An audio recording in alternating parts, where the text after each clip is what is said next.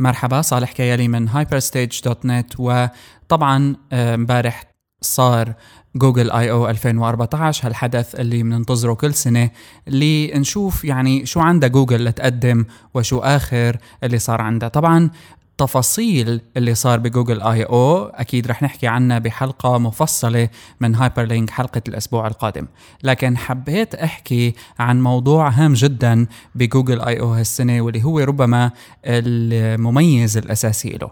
والمميز الأساسي لجوجل I/O هالسنة هو آه، كان عم ينحكى عنه طبعا لفترة طويلة سابقا واللي هو موضوع التصميم. كان في كتير من الشائعات حول إنه جوجل I/O هالسنه رح يكون فقط أو يدور في فلك التصميم آه، اللي جوجل رح تعطيه أهمية مطلقة. آه، في مقابل اللي عم بيصير بعالم أندرويد بشكل عام دائما سمعة أندرويد في عالم التصميم مانها كتير حقيقة جيدة. في عالم ال applications quality في عالم الأندرويد نفسه كنظام وكلغة تصميمية ما كانت آه، فينا نقول عنها ناضجة.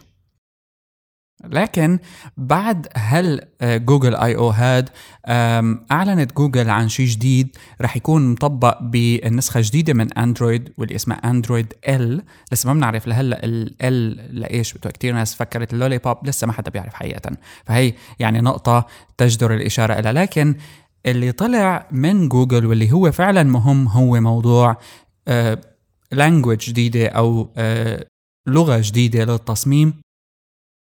سمتها جوجل Material Design وال Material Design هاد هو حقيقة آه، لغة متكاملة آه، بتحتوي على مجموعة من المفاهيم أو المبادئ اللي آه لازم المصممين يلتزموا فيها. وللمرة الأولى جوجل آه أعلنت عن لغة تصميمية شاملة. وحقيقة إذا بنروح على google.com slash design بنشوف أنه جوجل آه أعطت تفاصيل يعني دقيقة جدا ومتاحة للجميع آه لأنه يطلعوا عليها. لكن الأهم أنه هاللغة هي رح تكون مطبقة على الأندرويد وكروم OS؟ وأيضا الويب.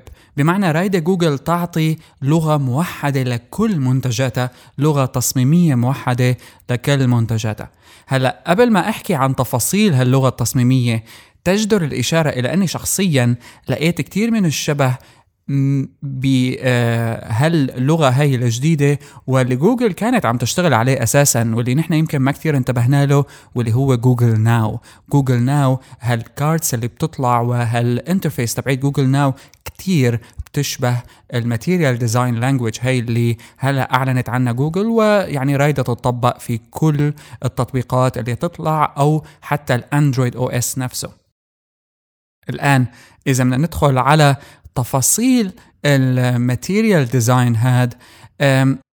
حقيقة كلمة material design بالبداية كتير ناس آه، ربطت بينها وبين موضوع إنه نهاية ال flat design أو التصميم المسطح والعودة إلى ال skeuomorphism اللي مثل ما بنعرف الشهيرة أبل اللي كانت بتلتزم فيه وقررت إنه تتركه تماما لحتى نشوف design language جديدة ب iOS مسطحة آه، بالكامل تعتمد على المضلعات الألوان القوية وأيضا موضوع آه، الابتعاد عن تقليد الأشياء أو ال objects الحقيقية اللي بنشوفها في التصميم.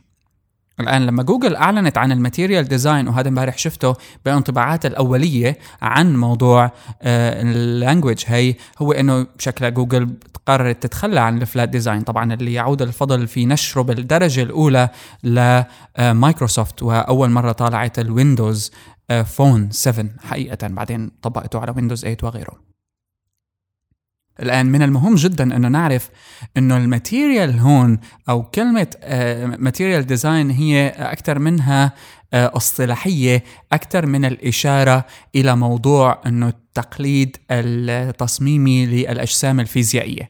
بمعنى أنه هي عبارة عن آه، نظرية بتقوم على التطبيق بين المساحة وأيضا الحركة اللي بتطبق بنطبقها كمصممين على الأشياء أو ال objects اللي بتكون بتصميمنا الموضوع قائم وفقا لجوجل على دراسة الورق والحبر وأيضا كيف تطور هذا الموضوع أو كيف ممكن تطوير هذا الموضوع على السطوح الرقمية مثل الشاشات.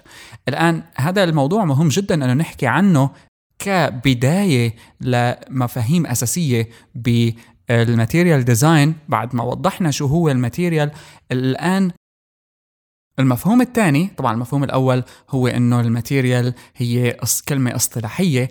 المفهوم الثاني هو إنه السطوح على اندرويد وعلى طبعا الويب هلأ رح تكون آه، قائمة على مفهوم الطبيعية وأيضا انتويتيف بمعنى إنه إلى حد ما قريبة من الواقع.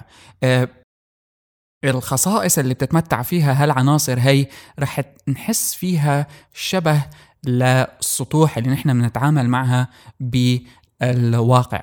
لاحظوا إني قلت شبه وما قلت نسخ. آه، هلا نحن بنشوف shadows بنشوف ظلال بال elements الجديدة. آه، لا يعني إنه آه، هي راحت مثلا جوجل وقررت إنه كل object رح يكون بشكله ثلاثي الأبعاد أو ممكن إذا ردت تعمل مثلا calendar application رح تنسخ شكل ال calendar من الجلد اللي فيها والخياطة مثل ما عملت ابل سابقا. لا لكن اللي حتعمله هو موضوع تقريبه قدر الإمكان لشيء نحن بنقدر to relate to مثل ما بيقولوا أو إنه نحن نربط فيه كواقع ويكون بنفس الوقت طبيعي يعني ما هو مصطنع. من المشاكل اللي كانت تصيب موضوع ال flat design هاد آه إنه آه في عنا مشكلة بتصيب المصممين بشكل عام وهي مشكلة السطوح. السطوح على هالأجهزة هي خصوصا الموبايل اللي واضح إنه جوجل توجهت حاليا ل mobile first آه يعني اللغة مبنية للموبايل. هي موضوع إنه السطوح صغيرة وبالتالي ما بتتحمل كتير عناصر. لذلك إجا مفهوم جديد ل أو concept جديد لموضوع ال material design واللي هو الطبقات. الطبقات بتسمح اولا وفقا لجوجل مرة تانية إنه السطح الخفيف اللي عم تحاول جوجل تعطينا إياه يحتوي أيضا على objects مرتبة فوق بعضها نحن بنقدر نتعامل معها. وهون آه، يعني تطلب جوجل من المصممين إنه آه، في شيء بيقولوا له ال dimensional affordances يعني أنا لما يكون عندي هالمساحة هي لازم أعطيها نوع من الطبقات لحتى أقدر على القليلة إني آه، أسمح بشكل مختلف للتفاعل معها. وهذا هون كتير مثل ما بنشوف ضروري. الأمر الرابع هو طبعا كتير مهم وهو أيضا بيتبع أحد يعني أحدث موضات الويب اللي صار حوالي ثلاث أربع سنين واللي هو موضوع ال adaptive design وال adaptive design قائم على إنه صحيح نحن عندنا spaces كثيره واللغة موحدة للويب وللموبايل ولا Chrome OS applications لكن أيضا هذا الموضوع يجب إنه يكون آه ياخذ بعين الاعتبار الشاشات هي وإلى حد ما جعل التجربة متوافقة مع كل سطح مع المحافظة على هالعناصر هي. ال look and feel يعني مثل ما بيقولوا أو الأيقونات الألوان ترتيب العناصر العلاقة آه، علاقة المساحة بين العناصر آه، تتغير آه، بما يتوافق مع كل شاشة. وبالتالي إذا على سبيل المثال كان عندنا side bar النسبة بين ال main working area أو مساحة العمل الرئيسية وال side bar على ال desktop رح تكون نفسها على اندرويد لاحظوا إني قلت النسبة وليس مس... ليس العرض مثلا لل side bar هاد. النسبة بينه وبين موضوع آه، نقله على السطح الثاني اللي أصغر منه. هذا بيعطي آه، نوع من آه، بيكون مألوف ان التصميم على كافة الأجهزة أو على كافة السطوح وبالتالي هذا يعني أنه نحن رح تضل تجربة الاستخدام بالنسبة لنا موحدة إلى حد كبير. الأمر الخامس واللي هو موضوع إنه القيام على التصميم اللي بيقولوا له هن bold design وال bold design بمعنى إنه آه التصميم آه، في تباين عالي بينه وبين العناصر الثانية أو أي عنصر تصميمي في تباين واضح بينه وبين العناصر الثانية سواء كان على مستوى الحواف الخاصة بهذا العنصر ال typography أو الخطوط لازم تكون كبيرة ال intentional white space واللي هي يمكن أحد أهم مشاكل المصممين لما بيعملوا مشروع لحدا وبيقول لهم في كتير white space ال white space من أهم عناصر التصميم حقيقة أو المساحة البيضاء هي لأنه المساحة البيضاء بتعني أنه آه، في آه، مساحة للعنصر نفسه إنه يظهر. وبالتالي ال white space هي مقصودة وال white space بتأدي إنه نحن التباين بين المساحة البيضاء والعنصر لأنه العنصر يظهر بشكل أقوى. البولت يعني ترجمتها إلى حد ما هون في سياق التصميم إنه هو قوي. أي عنصر رح يكون رح يكون متواجد و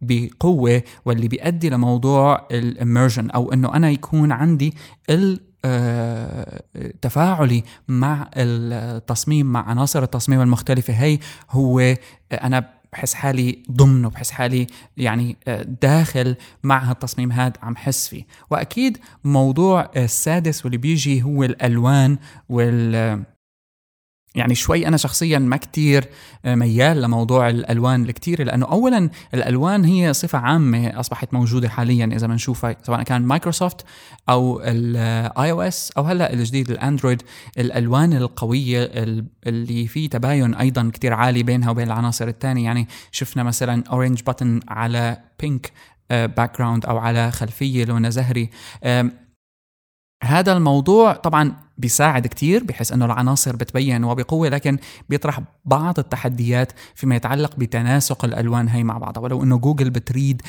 يتم استخدام كم جيد من الألوان في التطبيق وإذا بندخل على مرة ثانية google.com/design بنشوف كيف إنه في تقريبا ألوان من كافة العناصر صراحة يعني آه، بيميل عليها أنه صارخة فاتحة شوي آه، عيننا بتضرب فيها مباشرة وبيؤدي أنه وفقا وفقا لجوجل إنه آه، تضرب عين المستخدم على العنصر. ربما هي usable لكن أعتقد إنه بعد فترة رح تطرح تحديات إنه رح تبين ال applications شوي childish إذا صح التعبير أو رح تكون التطبيقات يعني مانها بتعطي الجدية إذا صح التعبير. واللي نحن هذا حقيقة يعني بنفتقده من ال skeuomorphic design لكن أكيد الديزاينرية حيلاقوا حل للتعامل معه. المبدأ السابع واللي هو كتير مهم حقيقة آه واللي هو ال user initiated change وال user initiated change كمفهوم طبعا نحن عم نتعامل مع السطوح تعمل باللمس. وهي الخاصية قائمة على الحركة. وبتعني إنه أنا أي عنصر بلمسه أو تاب عليه وقابل لأنه يتحرك رح يأثر في جميع العناصر اللي بدها تصير حواليه. يعني فينا نشبهها لموضوع كيف الحقل المغناطيسي لما بحط في شيء بالنص على سبيل المثال كيف بيتاثر بشكل تدريجي من أقرب العناصر له إلى أبعدها. كل ال grid أو كل المساحة اللي قدامي رح تتفاعل معه. المفهوم الثامن واللي آه، ال animation مرة ثانية أكيد كل ال actions أو كل الحركات رح تصير ب environment واحدة والعناصر رح تكون مقدمة للمستخدم بدون آه، خلينا نقول الاستمرارية اللي عم بتصير بالحركة بدون ما تبين إنه فيها آه، كسر أو بدون يعني انقطاع. إذا صح التعبير ال experience لازم تكون سموث آه، مستمرة continuous وأيضا آه، لازم تطبق على أي transform بيصير على ال object الموجود سواء كان مثلا تغيير حجم box تغيير حجم window حركة window من window ل window تانية كتير موضوع مهم. آه الأمر التاسع والمهم جدا إنه الحركة يجب أن تقدم معنى وبالتالي يعني دعوة صريحة هي من جوجل لعدم استخدام الحركات اللي ما لها طعمه أو ما لها داعي. ال perspective أو المنظور الخاص بالحركة كتير كتير مهم وأيضا يجب الانتباه إلى موضوع التركيز اللي حتتطلبه من المستخدم آه هالعناصر هي لما تتحرك. و يعني بما يترابط مع المفهوم الثامن واللي متعلق بالاستمرارية يجب أنه تكون هالحركة بتعبر عن شيء مش بس حركة آه لمجرد الحركة آه لازم تكون مترابطة آه، مفهومة للمستخدم وبتعبر عن شيء. طبعا هالعناصر أنا حبيت أحكي عنها بالتفصيل لأنه يعني حقيقه قضيت وقت كتير آه، على موضوع Google dot com slash design وأيضا كثير مواقع بلشت تفصل موضوع هالعناصر هي وأهميتها آه، وأيضا ال guidelines تبعيت جوجل أصبحت متاحة للتحميل للجميع ليبدأ يستخدمها. أكيد مرة تانية تفاصيل شاملة ويعني feedback حقيقه عن Google I/O لسنة 2014 رح تكون بالحلقة الجاية من Hyperlink